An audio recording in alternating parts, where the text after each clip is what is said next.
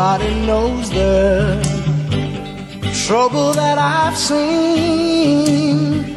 Nobody knows my sorrow. Nobody knows the trouble that I've seen.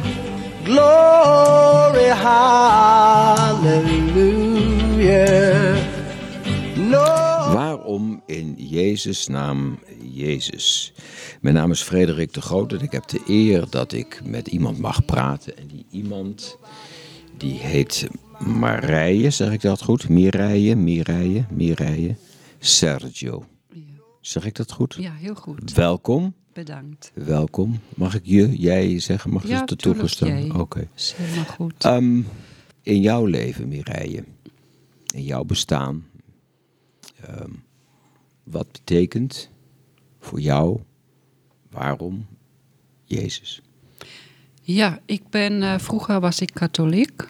Ik ging naar de katholieke kerk. Maar ik vond toch niet dat ik daar de rust, de liefde en de vrede ervoer die ik, eh, waar ik naar op zoek was. Want je, komt van, waar, waar was die kerk dan als, als klein kind? Ik heb dus eh, twintig jaar in Duitsland gewoond. En daar ging ik naar de kerk. Oké. En dat was de katholieke kerk. Dat, Dat had met je de- ouders te maken, neem ik dan aan. Met mijn vader. Je Want vader. mijn vader is oorspronkelijk Italiaans. En ik zelf ben ook in Italië geboren. Maar ik heb twintig jaar dus in Duitsland gewoond. En daar ging je naar de kerk, maar dat was de katholieke kerk. Dat was de katholieke kerk. En die vond je niet zo leuk of, of, of mooi toch? Heel, ehm, Ja, ik was Veel altijd op zoek. Altijd op zoek naar de rust, naar de vrede, naar de liefde. Maar die kon ik daar niet echt vinden. Oké. En dan op een gegeven moment, 1988, ging ik naar Nederland verhuizen. Oké. En naast mij had ik een buurvrouw wonen, maar ik wist het toen niet, een christen In Nederland. in Nederland. Oké. Ja, en in dan kwam je toen Nederland. terecht zomaar in Nederland. Mijn moeder wou weer terug naar Nederland, want mijn moeder is oorspronkelijk uit Amsterdam. Oké. Zij is Nederlandse. Terug naar Amsterdam. Eh, niet naar Amsterdam. Nou, we kwamen dus eh, eerst in Enkhuizen te wonen, want mijn broer die woonde al in Enkhuizen. Mhm. Daar hebben een tijdje ingewoond, mijn moeder en ik. En dan op een gegeven moment, eh, dus eh wou ik graag op mijn eigen gaan wonen. Mhm. Toen kwam ik in Horen terecht. Ja. Je klinkt een beetje teleurgesteld van. Nee. ten horen terecht van. Ja. Nee, helemaal niet. Ja. Helemaal Nou, niet. luister het als je het ooit wil, dit programma nog een keer terug. En dan kan je het horen. Echt waar. Oh, Horen. oké. Horen. Waar, en toen? Daar ging je wonen in Horen. Ja, Ja. ja. Dus ik kwam eh, naast een eh, buurvrouw wonen, Ja. die christen was. Dat wist ik toen niet, Nee. toen de tijd. Ik kwam haar wel een keer tegen, maar verder heb ik haar niet echt eh, gesproken. Die dag ehm, zat ik niet zo lekker in mijn vel. Ik was heel wanhopig. Ik had een hele erge onrust in mezelf. Zo van, Waar, waar- waar- waar zijn we in je leven ongeveer? Dan ben je ongeveer, hoe oud dan? Een beetje de, de- de- toen was ik twintig. 20, oké. Twintig. Ja. 20. En iets in mijn hart zei: bel maar bij je buurvrouw aan. Wauw. Ja, heel duidelijk: bel maar bij je buurvrouw aan. Zo. Dus dat deed ik dan ook. Zij deed de deur open. Ze liet mij binnen. En opeens, ik ga gewoon al mijn problemen met haar delen. Ik was altijd een gesloten persoon. Ze luisterde heel aandachtig naar mij. Maar ik vo- ervoer ook dat ik al mijn problemen aan haar deelde. En een rust in haar woning. Heel erg rust. Op een gegeven moment vroeg ze aan mij... wil je misschien mee naar de kerk? Ik ga overmorgen naar de kerk. En toen zei je, nee, dat kan niet, want ik ga naar de Rooms-Katholieke kerk, zei je toen. Nee, nee, tegenovergestelde. Ik denk, nou, ik wil wel graag meegaan. Misschien zit daar de oplossing in, waar ik lang op zoek naar Ja, ben. misschien is, was dat die, die stem. Ja, achteraf Toch? was het eh, de stem van God, mag ik wel zo zeggen. Ja. Dus ik ging twee dagen later ging ik met haar naar de kerk. En nou, toen zag ik al die mensen daar, blije gezichten. Even, dit, is, dit is, heb ik net niet gezegd. Hè? Dit is Horenradio, hè? Dit, wat, dit programma, Horenradio, waarom Jezus naam Jezus. En die willen allemaal weten, welke kerk was je dan in Horen?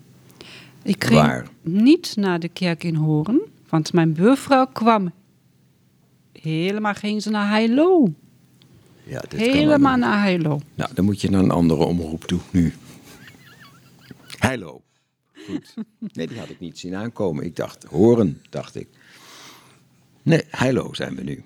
Ja, dus eh, gingen we daar samen naartoe. Ja.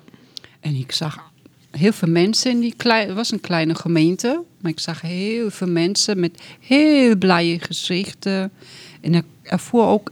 eh, Die blijheid was echt. En de liefde door hun heen ook. Zo echt, dat had ik nooit eerder had ik het eh, meegemaakt. Op een gegeven moment vroeg ze ook aan mij, mogen we voor je bidden? Ik zei, ja, natuurlijk mag dat. En eh, ze begonnen voor mij te bidden. Maar op dat moment, iemand legt ook eh, een hand op mijn hoofd. Ik ervoer gewoon door die hand heen zoveel rust, zoveel vrede, zoveel liefde. Maar ik wist zeker, want het was wel de hand van een persoon, maar door die hand heen ervoer ik ook de hand van, eh, van Jezus. Ik wist op dat moment, dit is het, dit is het, waar ik zo lang op zoek naar ben, op zoek naar was. Dat is het. En daarvoor eigenlijk geen, daarvoor Jezus. Einde programma. Tja, Dus ehm, en toen? Wat ging je toen doen dan? toen dacht ik, ja, dit is het gewoon. Daar, dit is Nou, even, even wat kritisch. Ik maak een beetje flauwe grappen. Maar Ja. wat, wat is dan, dit is het gewoon? Wat, wat is dan gewoon? Wat is het dan wat gewoon, gewoon is dat je denkt, dit is het? Wat is dat? Het gaf in mijn hart ehm, rust, vrede, liefde. Waar ik al mijn leven eigenlijk naar op zoek was. Want ik was zoeken als katholiek zijnde. Maar ook deed ik ontzettend veel dingen. Horoscopen lezen, pendel draaien, kaarten lezen. Maar dat gaf mij allemaal geen, eh, geen eh, rust, geen vrede. In het begin dacht ik wel die rust gevonden te hebben daarin. Maar dat werd eigenlijk een onrust later. Ja, later hè, komt dat. erger. Ja. Ja. Ik begon ook op een gegeven moment eh, ja, stemmen te horen die ik niet moest eigenlijk horen. Wat al bijzonder is, weet je, gaat naar die buurvrouw toe. Dus dan, die stem, daar had je niet het gevoel van, dit klopt niet, dit is van onrust. Dan dacht je, dat gaan we doen. Ja, Toch? ja, in mijn hart voel ik zo'n zekerheid, zo'n Ja. rust, zo'n vrede. Dat is het, dat Ja. moet ik gaan doen. En ik vertelde ook aan haar al mijn problemen, wat ik daarvoor nooit tegenover iemand deed. Ik was een heel erg gesloten persoon. Wauw. En, en nou denk ik te weten dat als je eh, opgevoed bent binnen de Rooms-Katholieke Kerk, dat je dan niet zo vreselijk veel de Bijbel leest. Er wordt voor je gelezen, er wordt voor je gepreekt. Dus dan zit je ineens in de protestantse, evangelische, baptistengemeenschap, whatever. En dan ineens ga je dus zelf lezen en ontdekken wat er staat, toch? Neem het aan dat dat heel... Ja, dat was eh, inderdaad zo. Ik ging wel naar de katholieke kerk, maar ik las nooit de Bijbel. Ik zei wel eens af en toe, als ik het moeilijk had... Oh God, helpt u mij. En dat eh, was het eigenlijk. Oké. En wat, wat, wat, wat ontdekte je dat er in die Bijbel stond? Wat was dan. Je hebt het gevoel, dit is het, dit is rust, dit komt van hem met een hoofdletter.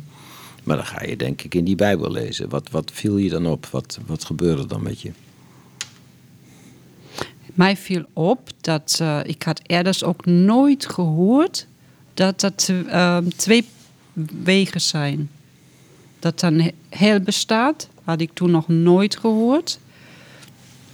Ik eh, heb wel gehoord dat er een hemel is en dat iedereen in de hemel komt. Oké. En dat de Heer Jezus, dat je ook met hem een persoonlijke relatie kan hebben. Wat ik ook vroeger nooit heb gehoord. En dat begon je te lezen. Dat begon ik te lezen. En zo werd mijn relatie met de Heer ook steeds dieper. En ik begreep meer over wie is de Heer Jezus voor mij. Wauw. En, en ben je contact blijven houden met de buurvrouw, omdat het de buurvrouw is, of vanwege het geloof, of bleef je heel lang naar die kerk gaan? Ik bleef eh, contact houden met mijn buurvrouw, want wij gingen samen elke zondag naar die gemeente toe. En ook af en toe als er een bijbelstudie was, Ja, ja. deed ik ook mee. Wauw, wauw, wauw. We, we hebben een, een, een muziekkeus van jou. Ja. En ja, wat denk je wat je het gekozen hebt als eerste? Eh, u, u die mij geschapen hebt. Zo. Opwekking enzovoort enzovoorts. Waarom heb je het gekozen? Ja, ik zat vaak toch wel met eh, vraagtekens. Van, ehm, ik was vaak niet tevreden met mijn uiterlijke. Toen vroeg ik mij af, ja, hoe kan dat? En kan het niet beter? En toen leerde ik de Heer Jezus steeds beter kennen. En ik, ja, hij heeft mij geschapen zoals ik ben. Ik mag mezelf zijn. Ik hoef mij niet te willen veranderen. Niet mijn uiterlijke. En het binnenste, dat eh, laat ik aan hem over. Wat niet goed is, dat eh, laat ik toe. Dat verandert hij in mij. Oké.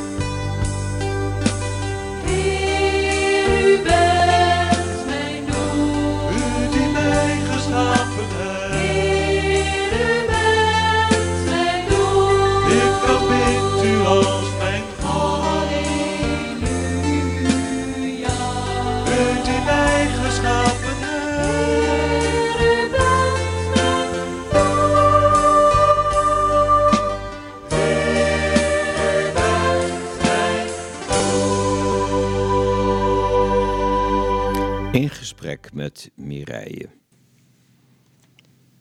Zendingswerk. Er is iets in jouw leven gebeurd en ineens gebeuren er allemaal andere dingen. Hoe is dat gegaan en wat heb je gedaan? En waar? Na mijn bekering heb ik nog samen met mijn man twee jaar in Nederland gewoond. Eh, mijn man die had al ehm, tijdens zijn doop op zijn hart gekregen om weer terug te gaan naar zijn eigen land, naar Servië. Om daar het woord te Je hebt hem verkondigen. ontmoet in, in de kerk in Heilo. Ja, hij kwam eh, een keer als bezoeker naar onze gemeente. En daar heb ik hem voor het eerst gezien, voor het eerst ontmoet. Ik zelf ehm, had toen niet gelijk gedacht dat dit mijn man zou worden. Maar na de tijd ehm, heeft God het mij duidelijk gemaakt. Gelijkertijd ook aan hem. Maar ik wou toch voor alle zekerheid weten of het echt van de Heer is. Toen heb ik de Heer gezocht op mijn manier. Dus één week ehm, heb ik gevast. Dan heb God heel duidelijk gemaakt dat God wil dat ik met hem ga trouwen. Toen zijn we ook ehm, best wel snel gaan trouwen. Want hij wist dat het zeker van de Heer was. En ik wist het ook zeker. Ja. Toen dachten we, ja, daar hoeven Ja. we ook niet meer lang te wachten. Daar In, gaan we... in de kerk getrouwd in Heilo. Ja, niet in Heilo. Dat was toen in waar mijn man vandaan kwam uit de kerk. In eh IJmuiden. Aha, ja. Nee, Emmuiden getrouwd, is heel goed. En toen gingen jullie naar... Toen, zijn we, toen hebben we twee jaar in Nederland gewoond. En na die twee jaar zijn wij 1992 vertrokken naar Servië. Want in Servië heeft hij, had, hij ook nog familie wonen. Zijn wij in Servië gekomen. Dan hebben wij ehm, broeders en zusters ontmoet van een kleine gemeente. En die vroegen aan mijn man of hij wil hun ondersteunen om die gemeente te helpen. Oké, en dat vroegen ze waarom? Omdat hij had theologie gestudeerd? Of... Ja, mijn man hij heeft wel theologie gestudeerd. Nee, Maar- dat is een logische vraag, zo bedoel ik het. Ja. Ja. Ja. Maar omdat mijn man, die was ook altijd heel communicatief. Hun zagen ook wel dat hij die gaaf ja, Ja.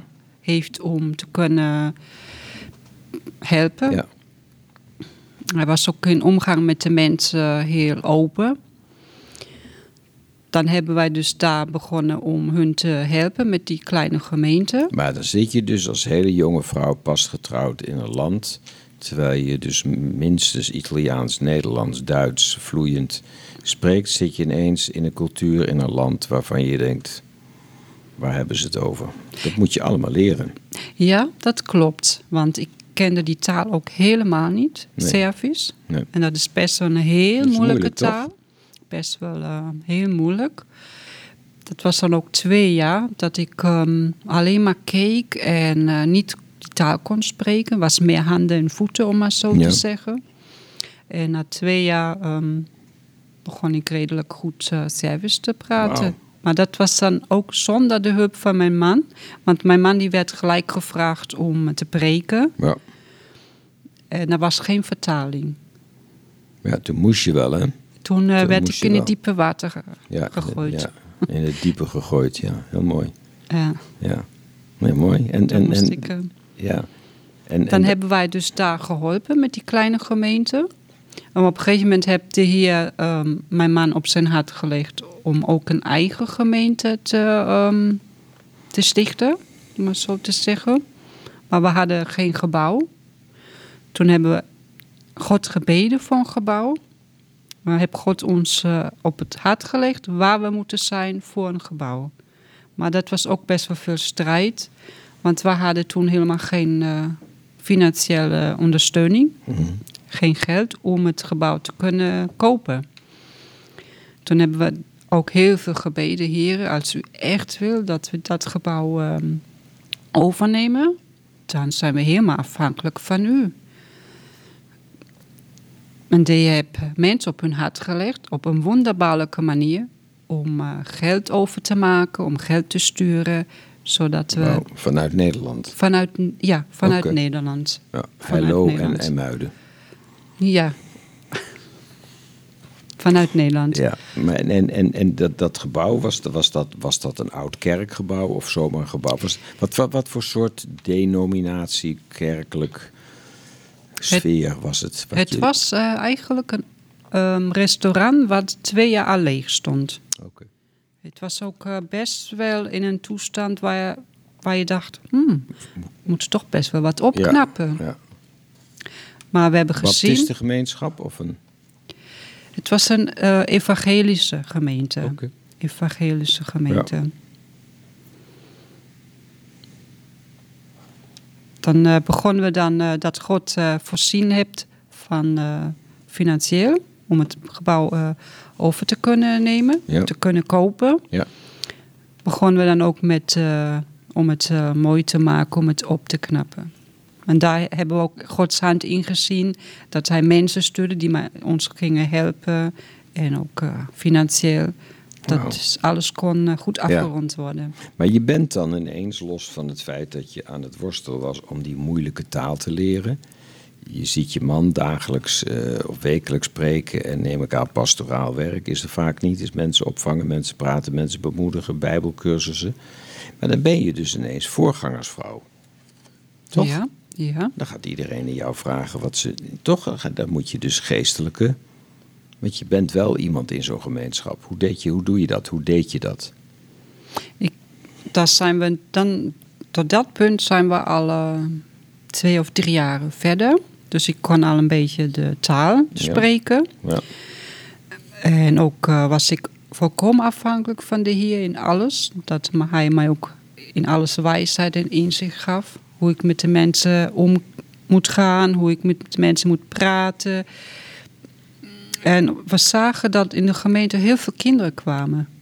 Ontzettend veel kinderen. Er waren veel zigeunerkinderen.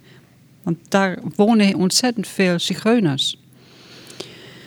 En dan begon ik met een paar kinderen om hun eh, dus bijbelles te geven. En dat werd steeds meer en meer. Dus er kwam een hele uitbreiding met kinderclub en Wauw, mooi toch? zondagschool. Ja, dat was, eh, vond ik heel prachtig om te mogen doen. Wauw. We hadden ook een ehm aanbiddingskoor. En ik had altijd graag gezongen. Dat vond ik altijd prachtig om te doen. Toen vroeg ze ook aan mij of ik dat wil eh, meedoen. Ik zeg ja, heel graag. Dus ik zong ook in het aanbiddingsdienst mee. En dan kwamen ook natuurlijk heel veel vragen van de gemeente, eh, van de mensen daar, die naar de gemeente kwamen. Daar mocht ik dus mijn man ook in ondersteunen om pastoraat te... Die, eh, Te vragen geven. over het leven, over het geloof, over de Bijbel. Ja, Ja. ja. Of waren het heel specifiek vrouwen of juist niet? Of eh, iedereen? iedereen was het. Iedereen. Kinderen, vrouwen, mannen. Ehm, ik heb mij meer ook op de vrouwen gericht. Mhm. Want vaak vrouwen vinden het toch prettiger om dan van vrouw tot vrouw Ja, te praten. Daarom vroeg ik het ook, ja. En dan op een gegeven moment ehm, ha- leid ik ook eh, vrouwenkringen in de één keer per maand. Zo. Want ik zag dat heel veel vrouwen met ehm, heel veel vragen zitten. Kan je een voorbeeld noemen van een vraag die veel voorkwam? Die misschien anders is dan onze cultuur. Dat je denkt, hé, hey, dat is merkwaardig, anders dan Italië, Duitsland of Nederland. Nee. Vrouwen hadden veel huwelijksproblemen. Daar hadden ze veel vragen over. Dat ze niet gezien werden door Ja, de man, toch? In essentie. Daar zal het waarschijnlijk wel in zitten. ja, Niet gezien worden voor wie ze zijn. ja. Meer toch als een minderwaardige... Mhm. Ik zei het nog subtieler dan jij. Ja, dat is echt zo. Ja, dat is mooi. En, dat, en daar ben je mee gaan praten en werken en, en proberen. te- Ja, daar heb ik een heel, va- heel veel ehm mee gebeden met de vrouwen. Mhm. Veel gesproken. Mhm. En, en, en veranderde dat in die mannen ook een beetje? Dat ze ook wel begrepen door middel van hun eigen bekeringen, de kerk, van je man, van jullie tweeën, die, die ze meemaakten, dat ze, dat ze dachten, ja, wij moeten ze een beetje wat liever worden thuis. Merkte je dat daar een verschil kwam? Ja, ik merkte in heel veel ehm, mannen en vrouwen hun huwelijk merkte ik toch verschil. Maar omdat er ook vrouwen waren die kwamen ehm, pas tot bekering, tot geloof, en hun mannen niet, dan merkte je ja, dat Ja. is natuurlijk de geestelijke schuren, strijd. Dan, dan wordt het, ja, wordt Dan het, is ja. licht en duisternis bij elkaar. En dan heb ik dan ook vaak tegen hun eh, gezegd ehm, dat dit is een geestelijke strijd. Wauw. Wauw, wauw, wauw. En, en als je nou... Vind ik zo'n leuke vraag om te stellen van... Er zijn heel veel mensen die luisteren naar jouw verhaal. En die denken, ja, mhm, ik heb wel, ik verlang naar iets anders. Hoe kunnen mensen Jezus vinden? Hoe? Het klinkt heel makkelijk. Hè? Je vertelt, ja, ik ben katholiek en ook in Nederland en er is een buurvrouw. En er is een stem die mij zegt en drie dagen later zit je in Heilo en je komt tot geloof. Hoe kunnen mensen die het niet meer zien zitten, die eh, het leven moe zijn, die belast zijn door misschien hun eigen frustraties, dat maakt helemaal niet uit, maar ze voelen zich, ondanks alle weelde van Nederland, alle luxe problemen, voelen ze zich niet lekker. Hoe komen die mensen dan? Vinden ze dan Jezus? Moeten ze dan naar de kerk gaan? Of is er een andere methode?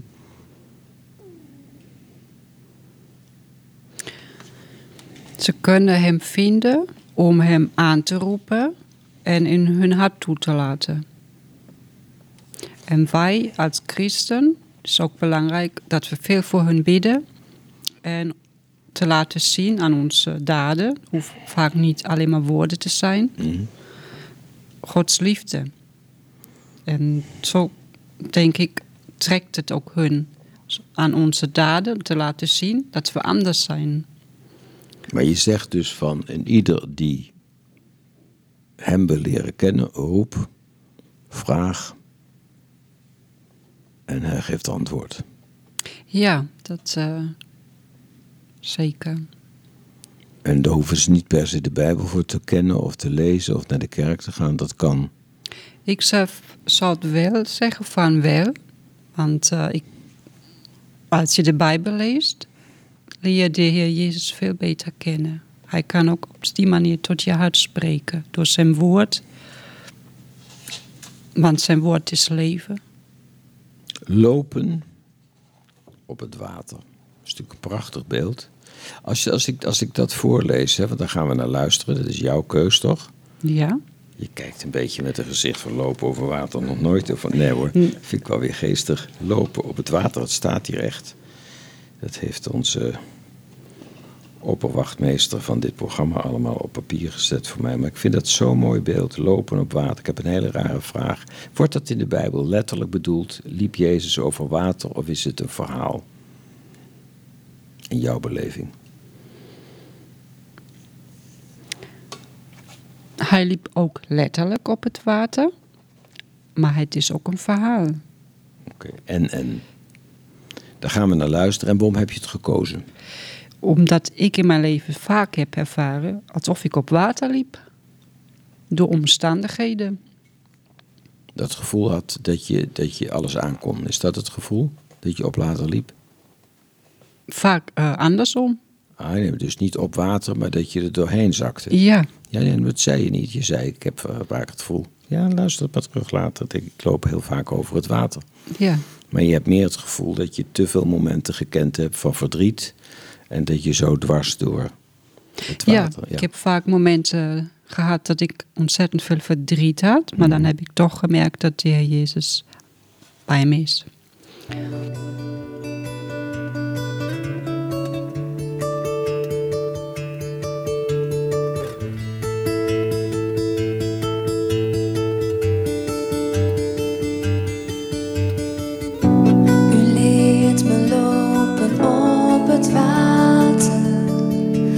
De oceaan is wijd en diep.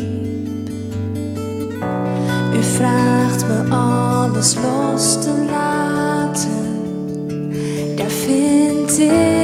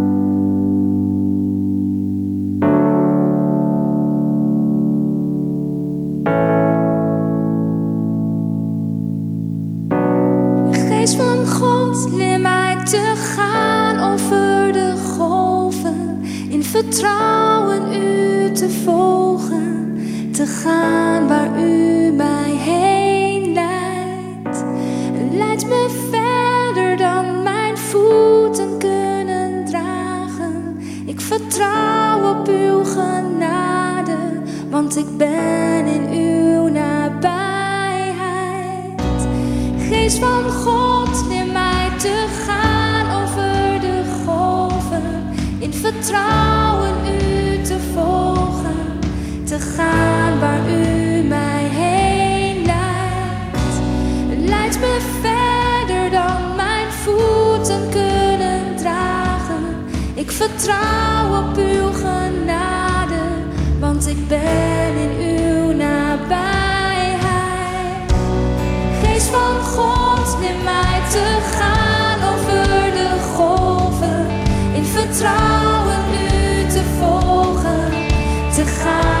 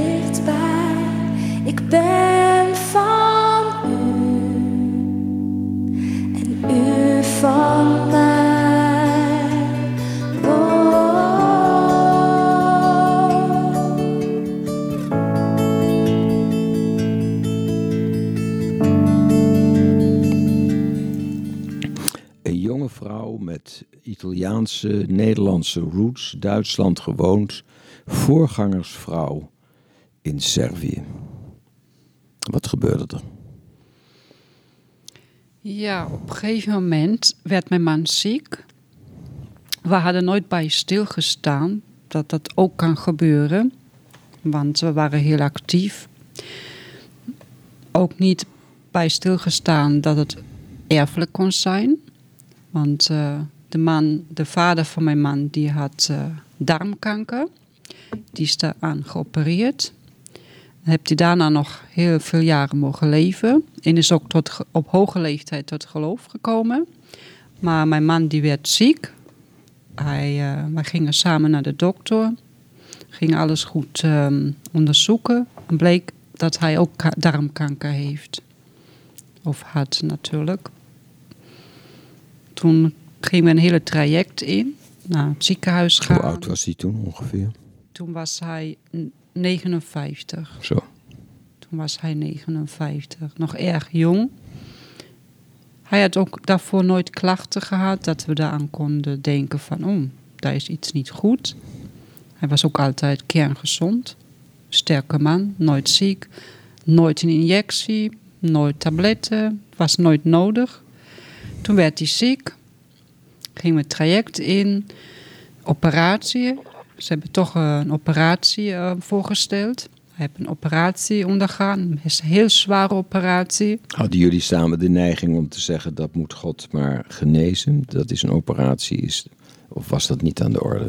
Al die tijd hadden we wel eh, gebeden. Wij geloofden volkomen in genezing. Mhm. Hebben we ook toch, ondanks de operatie, ehm, tot de laatste dag aan toe geloofd. God heeft hem toch na de operatie, ge- werd het toch niet beter, ondanks ehm, veel gebeden. Heel veel broeders en zusters hebben meegebeden, maar het werd niet beter. Integendeel, het werd slechter. we bleven maar ehm, geloven en vertrouwen dat God hem eh, nog een paar jaar mag schenken. Mhm. Maar God heeft hem toch dan ehm, korte tijd thuis gehaald. Thuis gehaald. Was je boos toen? Ik was wel ehm, verdrietig. Ik geloofde zo in genezing, mijn man zelf ook, dat zelfs op de begrafenis, die, dus mijn man is in Servië overleden, die vond ook in Servië plaats, geloofde ik in dodenopstanding. Het laatste moment nog, maar het is niet gebeurd. Toen kwam toch de vraag in mij op: Heren, waarom de ene wel en de andere wordt niet genezen? Maar ik kreeg daar geen antwoord op. Na de tijd heb ik dat toch aan, bij God gebracht en losgelaten en aanvaard.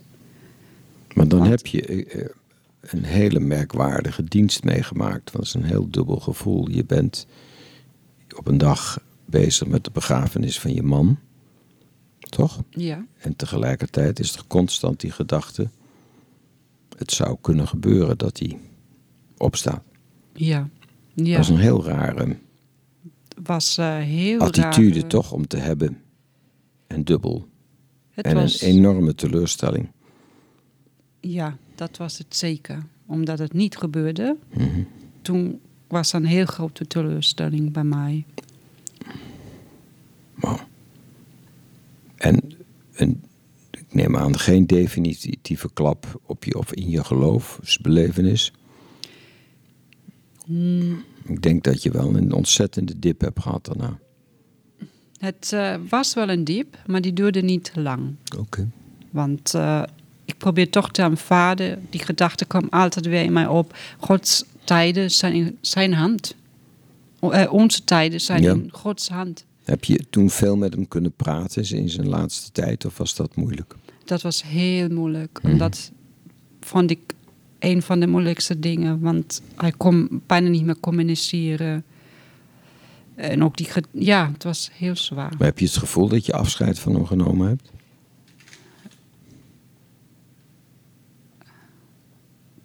Dat wel, dat wel, dat wel. Want ik hoorde hem vaak ook wel zeggen. We hadden heel vaak een gesprek daarover. Ja, wat als God je niet geneest? Toen zei mijn man, als God mij thuis houdt, vind ik dat ook goed. Ik zeg, va- vaak zei ik ook tegen hem, nou lieve schat, vind dat best wel moeilijk. Ja. Want we zijn zo lang bij elkaar en dan... Ja. Hij zegt, maak je niet druk. Wat God beslist, is het beste.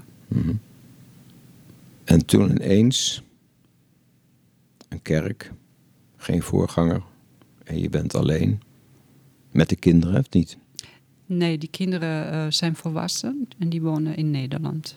Nee, die maar toen, woonden al oh, in oh, toen Nederland. al in Nederland. Die woonden toen al in En- Nederland. En toen ben je snel teruggegaan weer? Of, of Ja, ik ben na zijn overlijden.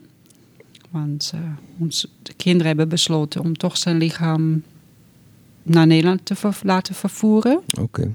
Omdat ik duidelijk in mijn hart ervoer... het werk van God is voor mij hier ook beëindigd. Mhm. Toen hebben we het lichaam naar Nederland laten vervoeren. En dan ben ik ook gelijk daarna naar Nederland vertrokken. En, en, en wat, wat doe je nu in je werkt? Ja, dat was ehm, in het begin best moeilijk. Intussen, na 23 jaar in Servië geweest te zijn, is in Nederland ontzettend veel veranderd. Ik heb dat ik ehm, een tijdje in de uitkering was. Mhm. Maar daar wou ik ontzettend graag weer Ja. uit. In Nederland waren veel dingen veranderd. In ja, Nederland. oké, ja. In Nederland. Qua wetgeving of zo, qua regels, qua... Qua wetgeving, qua regels. Oké. Ontzettend veel. Ja. Omdat ik vroeger al, eh, voor mijn trouwen, heb ik in de zorg, verzorging gewerkt. Oké. Waar ik daar graag weer terug in. Ja. Maar dan moest ik weer een traject beginnen Mhm. van opleiding.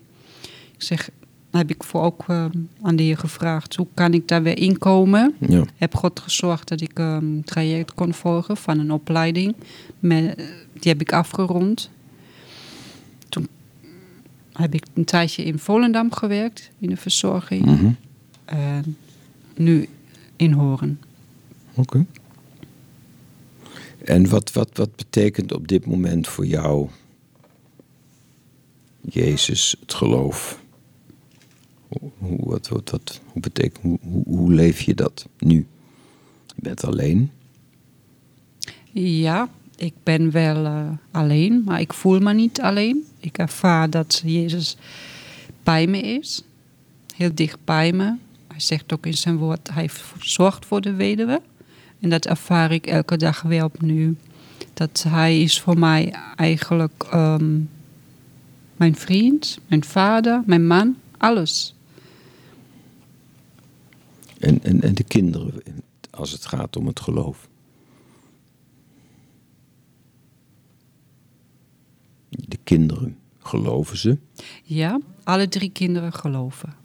Die hebben ook de Heer Jezus aangenomen. Mhm. Zijn ook gedoopt, alle drie. Ja. En samen dan eh, praten we ook heel vaak over de Heer Jezus. En, en hoe heb je nou in, in die moeilijke tijd van voor het overlijden van je man, er was een burgeroorlog een tijd en een verschrikkelijk. ver- Hoe heb je dat, hoe heb je toen in die tijd naar de Bijbel gekeken en naar Jezus en naar jezelf in die omstandigheden? Het lijkt me best ingewikkeld.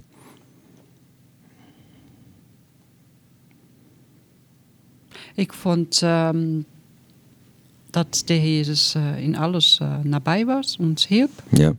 En ik heb altijd in alles de Heer eh, gezocht. Oké. De kracht van uw liefde, dat spreekt voor zelf toch, of niet? Dat kunnen we gewoon laten horen, of wil je er iets over zeggen? Ja, dat zegt eigenlijk alles. Ja? Ja.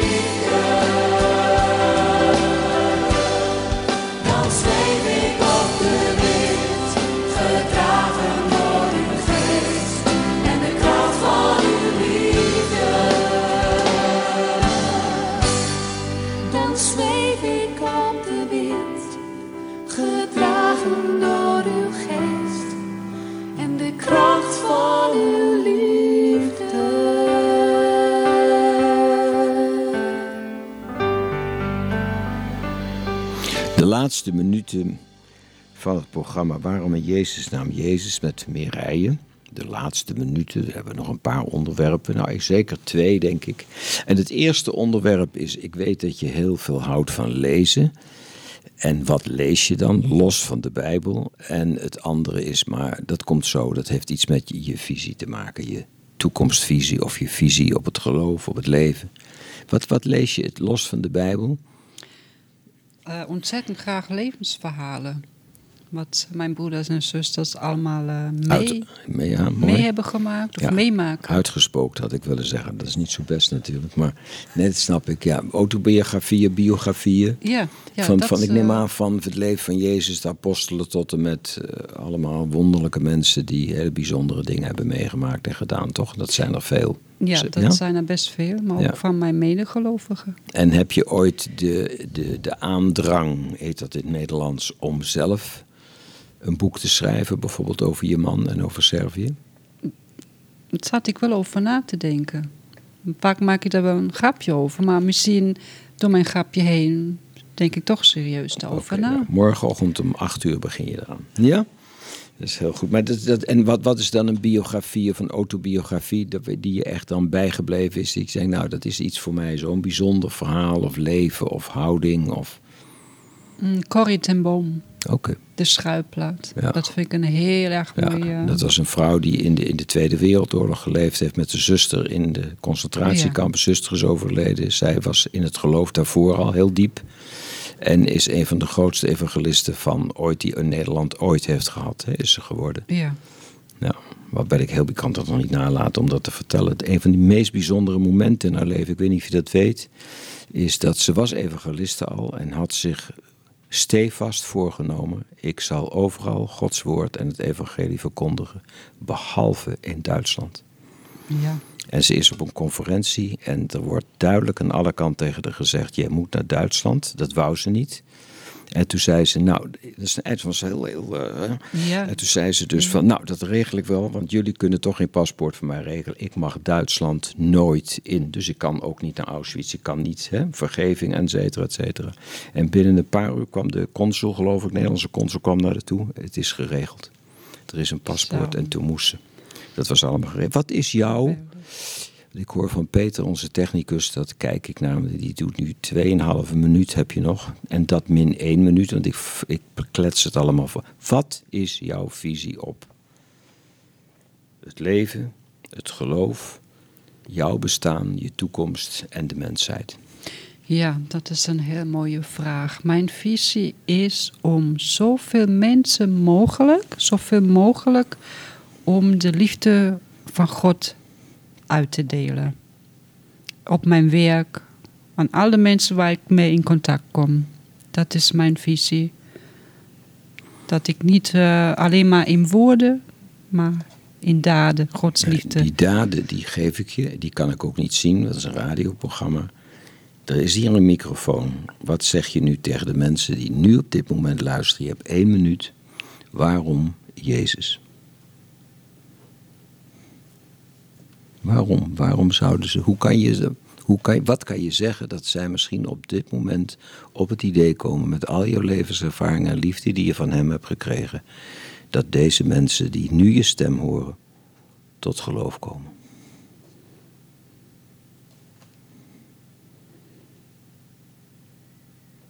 Jezus is de enigste verlosser.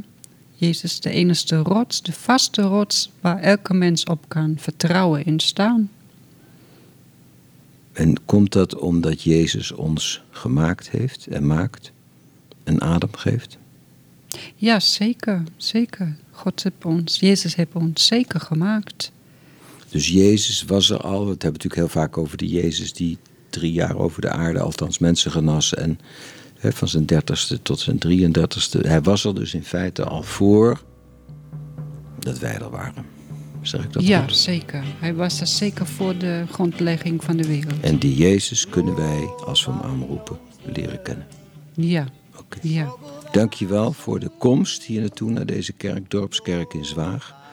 En eh, nou, misschien hoop ik een volgende keer. Ja? Graag gedaan. Dankjewel. Bedankt. Graag. Nobody knows the trouble that I've seen. Glory, hallelujah. Nobody knows the trouble that I've seen.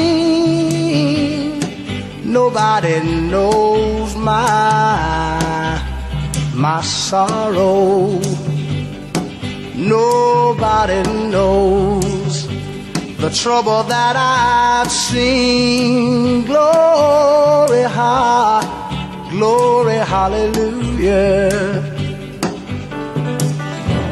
Sometimes I'm up and sometimes I'm down. Oh, yes, Lord. You know, sometimes I'm almost ground. Oh, no, yes, Lord. Still, nobody knows the trouble that I've seen. Nobody, nobody knows my my sorrow. Nobody knows the trouble that I've seen. Glory, hallelujah.